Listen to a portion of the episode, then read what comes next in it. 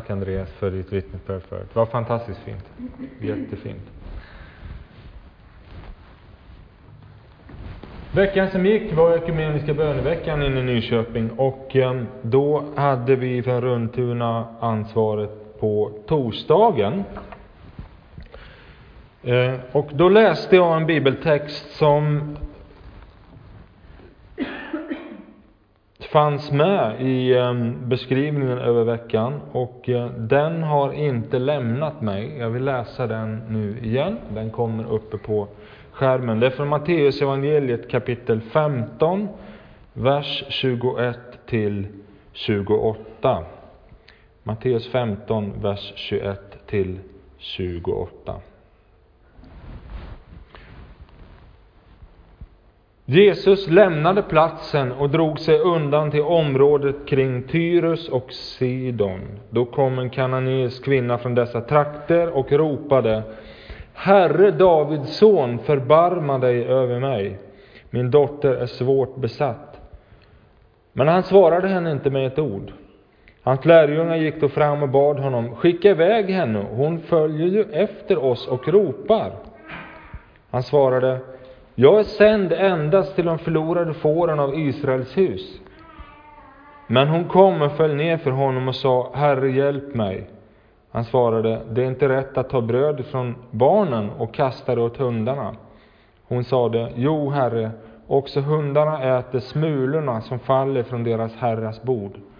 Då svarade Jesus henne, kvinna, din tro är stor, det ska bli som du vill. Och från det ögonblicket var hennes dotter botad. Låt oss be tillsammans. Jesus Kristus, Guds son, tack för den här gudstjänsten, vår gemenskap här idag. Tack att du är mitt ibland oss för att möta med oss, Herre. Du vill tala till oss var och en. Du är en levande Gud som är uppstånden. Du har all makt i himlen och på jorden. Ser du den text vi har läst? Vi ber om ljus över den från den helige Ande. Och att du ska tala till oss, att du också ska hjälpa oss att praktisera det vi lär oss. Vi ber om det i ditt namn, Herre. Amen. Skulle du vilja lära dig att be?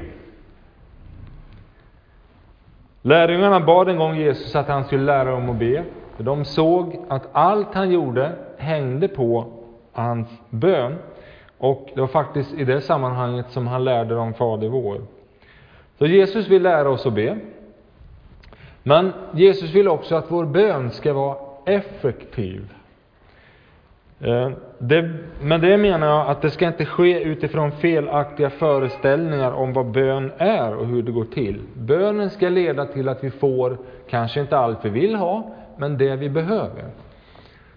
Och därför undervisar Jesus väldigt mycket om bön. Han vill illustrera vad det är frågan om och lära oss att be på rätt sätt.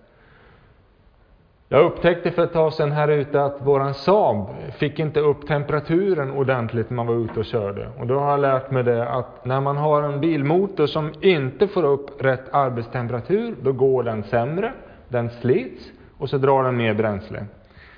Då fick jag köpa en ny termostat och sätta dit för att temperaturen skulle gå upp och hamna rätt. Alltså en effektiv bilmotor är en sån som håller och levererar vad som är tänkt. Och det är så med bön också. Och med effektiv bön menar inte jag det att du och jag kan gå till Gud och trycka på rätt knappar och så får vi allting som vi själva tänkt ut. Det är inte riktigt det jag är ute efter. Men att när vi går till Gud och ber till honom så gör vi det på ett sådant sätt att hans välbehag vilar över oss och han vill ge oss det vi behöver. Och det här vi har läst är en berättelse om en människa som bad på rätt sätt. Det är en otroligt dramatisk berättelse. Men min tanke är att förmedla någonting till er här som vi ska praktisera sen. Effektiv bön. Låt oss titta på den här berättelsen och jag vill gå igenom den vers för vers.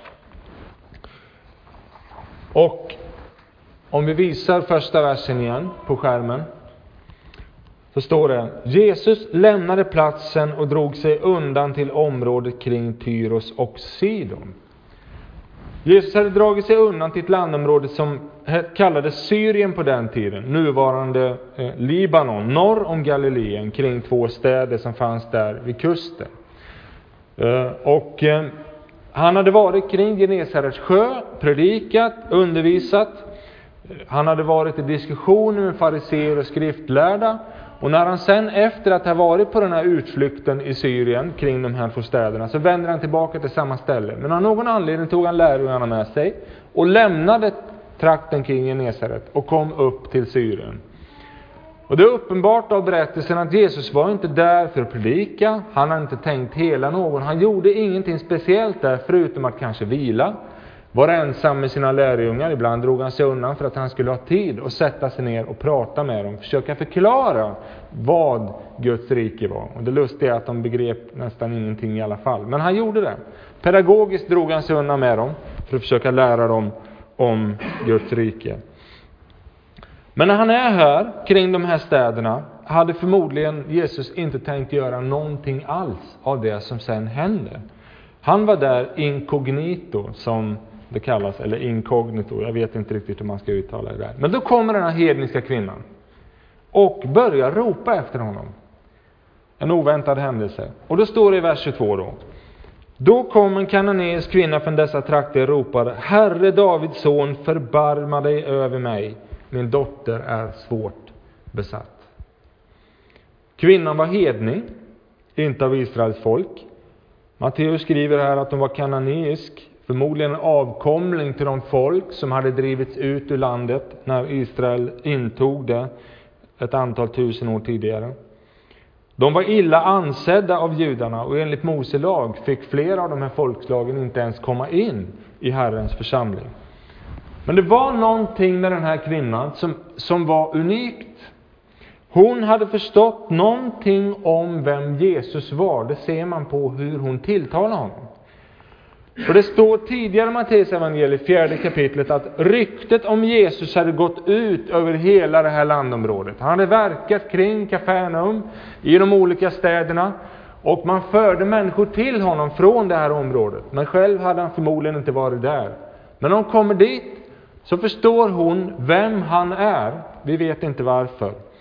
Och så kallar hon Jesus för Davids son. Det var en messiansk titel. Och det var väldigt unikt. Hon är den tredje i hela Matteusevangeliet som tar de orden i sin mun. Först är det två blinda som ber Jesus om hjälp. Herre Davids son, förbarma dig över oss. Och sen en bit längre fram i Matteusevangeliet så säger hela folket så här. Kanske är han Davids son. De funderade på om han verkligen var Messias. Ungefär som den här kvinnan som vi hörde om i början i Samarien. Men hon kommer från ett helt hedniskt sammanhang, ser Jesus och förstår direkt, det här är Davids son. Dessutom säger hon det i kombination med Herre Davids son. Och det förekommer bara på ett enda till ställe i hela Matteusevangeliet. Här är en människa som trots sin bakgrund har förstått någonting är speciellt med Jesus. Han är den utlovade Messias och jag vågar gå så långt att jag kallar honom Herre till och med. Detta är unikt med denna kvinna. Att hon förstod något om vem Jesus var och vågade komma till honom. Varför kom hon dit då? Hon hade ett stort bekymmer. Hennes dotter, står det, var svårt besatt. Tittar man på vad orden här betyder så säger lexikonen att dottern var svårt och sjukligt kontrollerad av ett ont andeväsen. Detta yttrade sig i fysisk sjukdom och eller psykiskt vansinne. Alltså hon var i en mycket svår utsatt situation, utan kontroll. Och kvinnan hade hört då att Jesus kunde bota den här typen av bekymmer. För tidigare i Matteusevangeliet så gör Jesus just det och det står att ryktet gick ut om vad Jesus kunde göra. Och därför kommer hon då till honom med en bön om hjälp. Men det verkar inte som om hon bara var ute efter att få hjälp, för hennes sätt att tilltala Jesus var väldigt speciellt. Herre Davids son. Det finns någonting av tillbedjan i det här. Jag, jag ser vem du är Jesus. Nu är det så att jag har ett bekymmer. Min dotter är svårt besatt. Hon är utom all mänsklig hjälp. Jag har provat allting. Men jag har hört att du kan hjälpa mig. Herre, lyssna till mig. Så var det.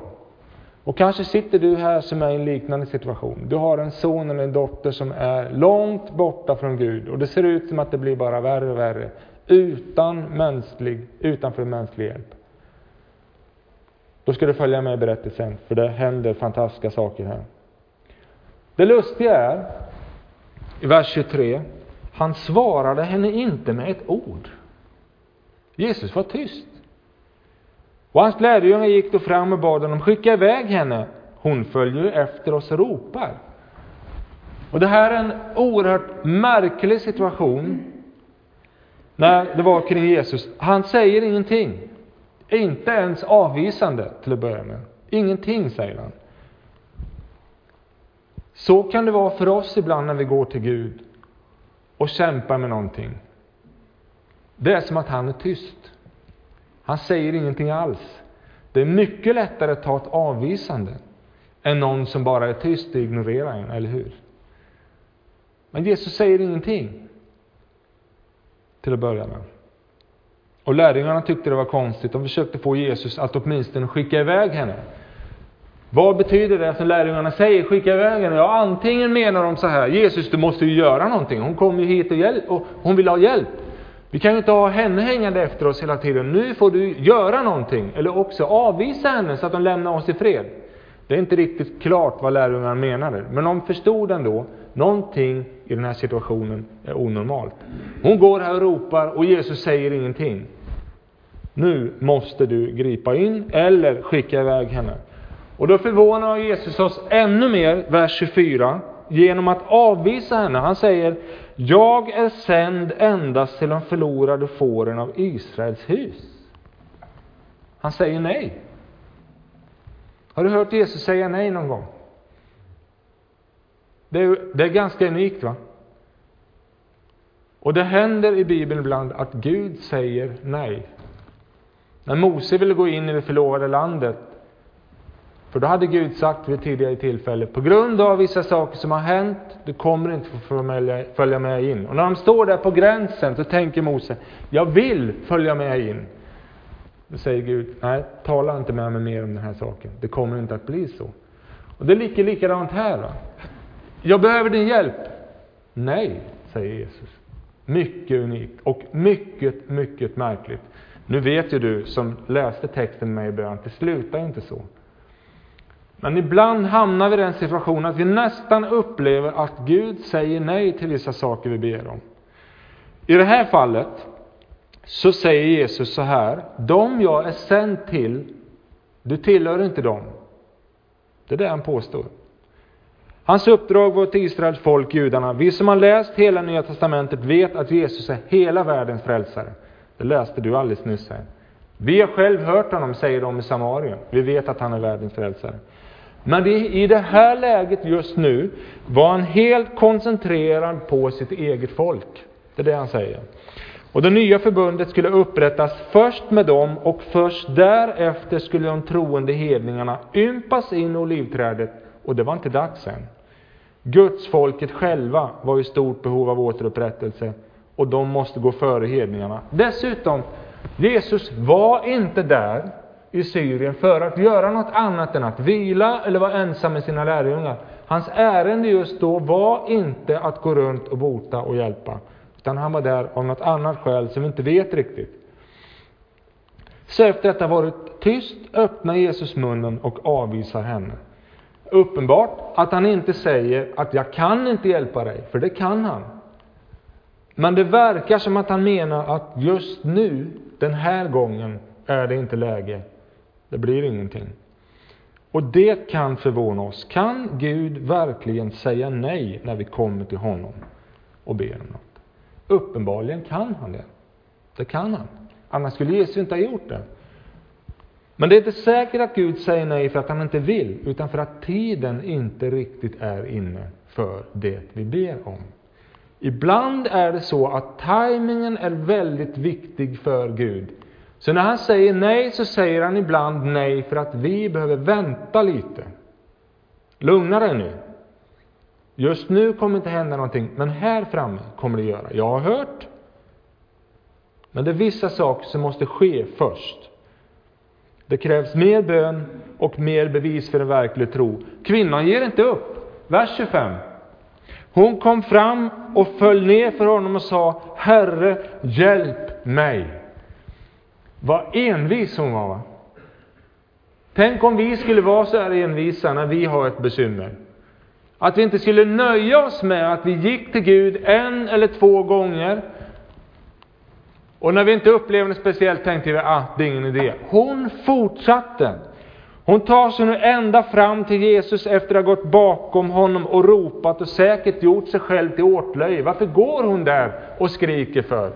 Lämna de där människorna i fred nu och gå hem och sköt ditt istället. Hon gör inte det. Hon följer efter honom. När hon är framme hos honom faller hon ner och säger Herre, hjälp mig. Hon uppmanar Jesus att hjälpa. Och ordet hjälp här betyder ordagrant att hon säger till Jesus att han ska springa mot ropet från den som är i fara. Jesus, förstår du inte? Min dotter håller på att gå under, du måste ju komma nu och göra någonting. Det är det hon säger till honom. Och hon tillber honom också. Ordet ber här säger lexikonen att det innebär en, en dimension av ödmjukan, eller ödmjukelse, att hon till och med beter sig lik en hund som slickar sin herres hand. Hon böjer sig fullständigt under Jesus.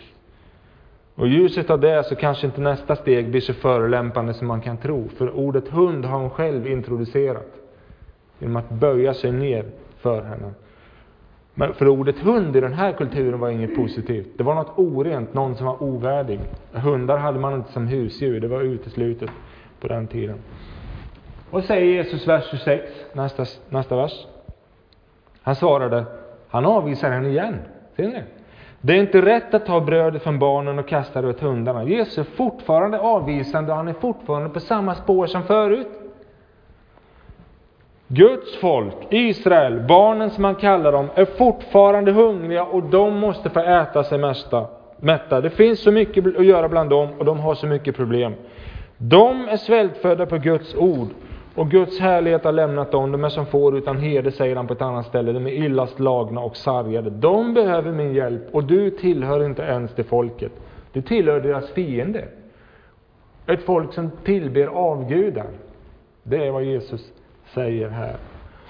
Och det är som att Jesus säger så här, hur mycket du än ödmjukar dig, beter dig som en hund inför sin Herre, kan jag inte hjälpa dig istället för dem jag är sänd till.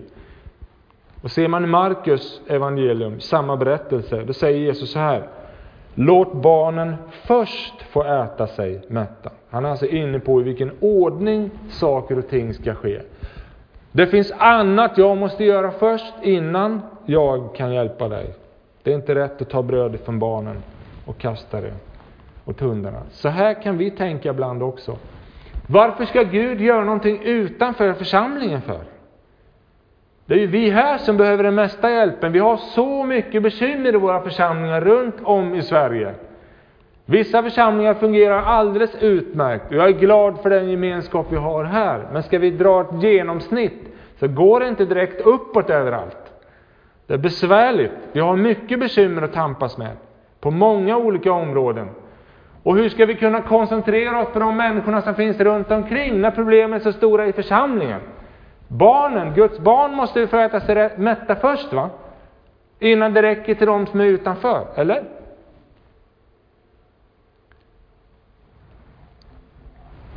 Vers 27. Hon sa, Jo, Herre, också hundarna äter smulorna som faller från deras herrars bord. Kvinnan visar stor andlig insikt. Hon har böjt sig ner så djupt att hon finner sig i att kallas en hund. Hon vet att hon tillhör ett orent folk. Hon säger som Jesaja. Jag har orena läppar, jag är inte ren. Jag vet att det är så, mitt folk är inte rent. Men jag förstår en sak. Din makt Jesus är så stor, den räcker för både Israel och min dotter. Och det här är poängen i hela den här berättelsen. För hur mycket bekymmer det än fanns i Guds folket och hur mycket bekymmer det än finns här, så räcker en smula av det Jesus kan göra för att lösa din och min situation. Trots att det finns så mycket annat som måste till för att församlingen ska överleva, så är det ändå så. Jesu makt räcker även för din omöjliga situation. Och jag tänker på en officerare som Jesus möter i åttonde kapitlet, samma evangelium. Han säger, Herre, jag är inte värd att du går in under mitt tak, men säg bara ett ord så blir min tjänare frisk. Det är samma sak här. Jesus, vi vet, du har ansvar för hela världen. Du bär den med din hand. Och du handlar med ditt folk överallt. Varför skulle du se mig då i min ynklighet med de små problem jag har? Men Jesus, jag vet, det räcker med en smula av himlens bröd, så löser sig allting som jag står i. Och här vänder hela historien. Varför då? Den här kvinnan visar stor tro på Jesus. Eller hur? Vers 28. Då svarade Jesus, kvinna, din tro är stor. Det ska bli som du vill. Och från det ögonblicket var hennes dotter botad. Och se nu här. Jesus ändrade sig. Ser ni det? Han sa nej, inte bara en gång, utan två gånger och visade klart och tydligt, du är ute i fel tid. Det är inte riktigt dags för det där än. Men hon gav sig inte. Med en ren desperation som nästan gränsar till galenskap så sökte hon Jesus till han ändrade sig. Och vet ni det? Det finns andra historier Personer i Bibeln som har lyckats få Gud att ändra sig. Har ni läst om kung Hiskia?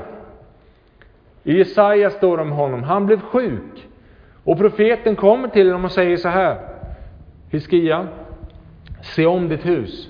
Du kommer att dö. Du kommer inte att överleva den här sjukdomen. Och Hiskia, han blir bedrövad. Vad gör han då? Sätter sig och väntar på att han ska dö? Nej, inte alls. Han söker Gud. Han gråter, han ber. Och bönen är kort, det är inte många ord. Men det står, han vände sitt ansikte mot väggen och så grät han. När Jesaja är på väg ut från stan så klickar det till och säger Gud, vänta nu lite. Gå tillbaka.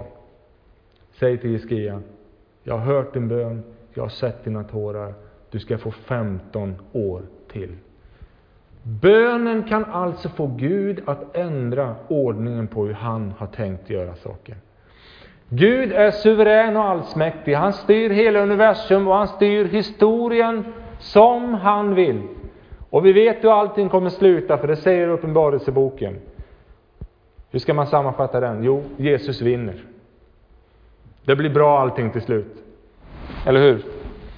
Men på vägen dit fram så har Gud en plan för hur han ska göra allting. I vilken ordning, vem man ska möta med först, vilken församling han ska möta med först, vilket under han ska göra där, hur han ska göra här, och vad han ska göra med dina böneämnen. Men du kan faktiskt, med en effektiv bön som den här kvinnan gör, du kan få Gud att ändra på ordningen på saker och ting. Och gripa in tidigare och mer kraftfullt än det kanske var tänkt från början. Det är märkligt tycker jag. Tänk att bön kan få Gud att ändra sig. För det var det Jesus gjorde här.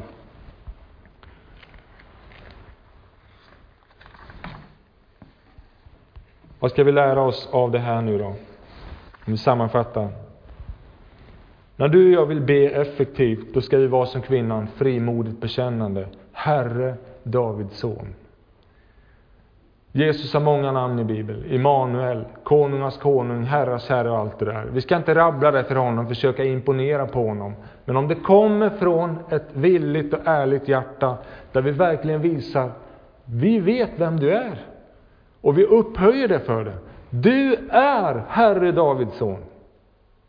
Det är en nyckel till effektiv bön. Den är också uthållig, den effektiva bönen. Kvinnan följde efter Jesus, gav inte upp. Hon sökte upprepat hjälp och gav inte upp, trots att hon inte omedelbart fick vad hon begärde. Effektiv bön är också ropande. Och då menar inte jag bara att det ska vara ett rop som hörs fysiskt. Men Bibeln talar om att den helige Ande ropar ur oss Men det blir som rop utan, utan ljud. Det finns en innerlighet i det. Och det hör Gud. Han förstår tårarnas språk. Effektiv bön och också ödmjuk. Vad gjorde hon? Hon ödmjukade sig så djupt som en hund som slickar sin herres hand. Hon erkände utan omsvep. Visst, jag tillhör ett orent folk. Jag är hedning. Vi är avgudadyrkare allihopa, men jag vet att en enda smula från dig räcker. Eller hur? Och hon trodde på Jesus stora förmåga att hjälpa. Och det här är så fantastiskt. Att när du och jag får tag på vad effektiv bön är, då kan vi få Gud att ändra sig till och med. I det stora hela ligger hans plan fast, det vet vi. Men när det gäller sånt som du och jag behöver få hjälp med, så kan det som ser ut som ett avvisande bli en välsignelse till slut. Och Gud griper in. Och vi ska göra så om en stund här. Därför att jag tror inte att jag har tagit den här texten idag av en slump. Du och jag finns här idag som har särskilda behov av ett Guds ingripande. Kanske är det så här, en dotter, en son, ett barnbarn. Eller en situation där du har gått till Jesus gång efter gång efter gång och bett och du har känt att det händer ingenting, han är tyst, jag vet inte vad det är frågan om. Vi ska gå till Gud en gång till idag och be för detta. Och vi ska be honom att faktiskt ändra sig och skynda sig lite grann och gripa in. Effektiv bön, det vill jag be med dig idag. Men först får vi några sånger. Eller någon sång av Lena och Lasse. Men förbered dig där du sitter i bänken, så ska vi be tillsammans alldeles strax. Gud välsigne oss allihopa.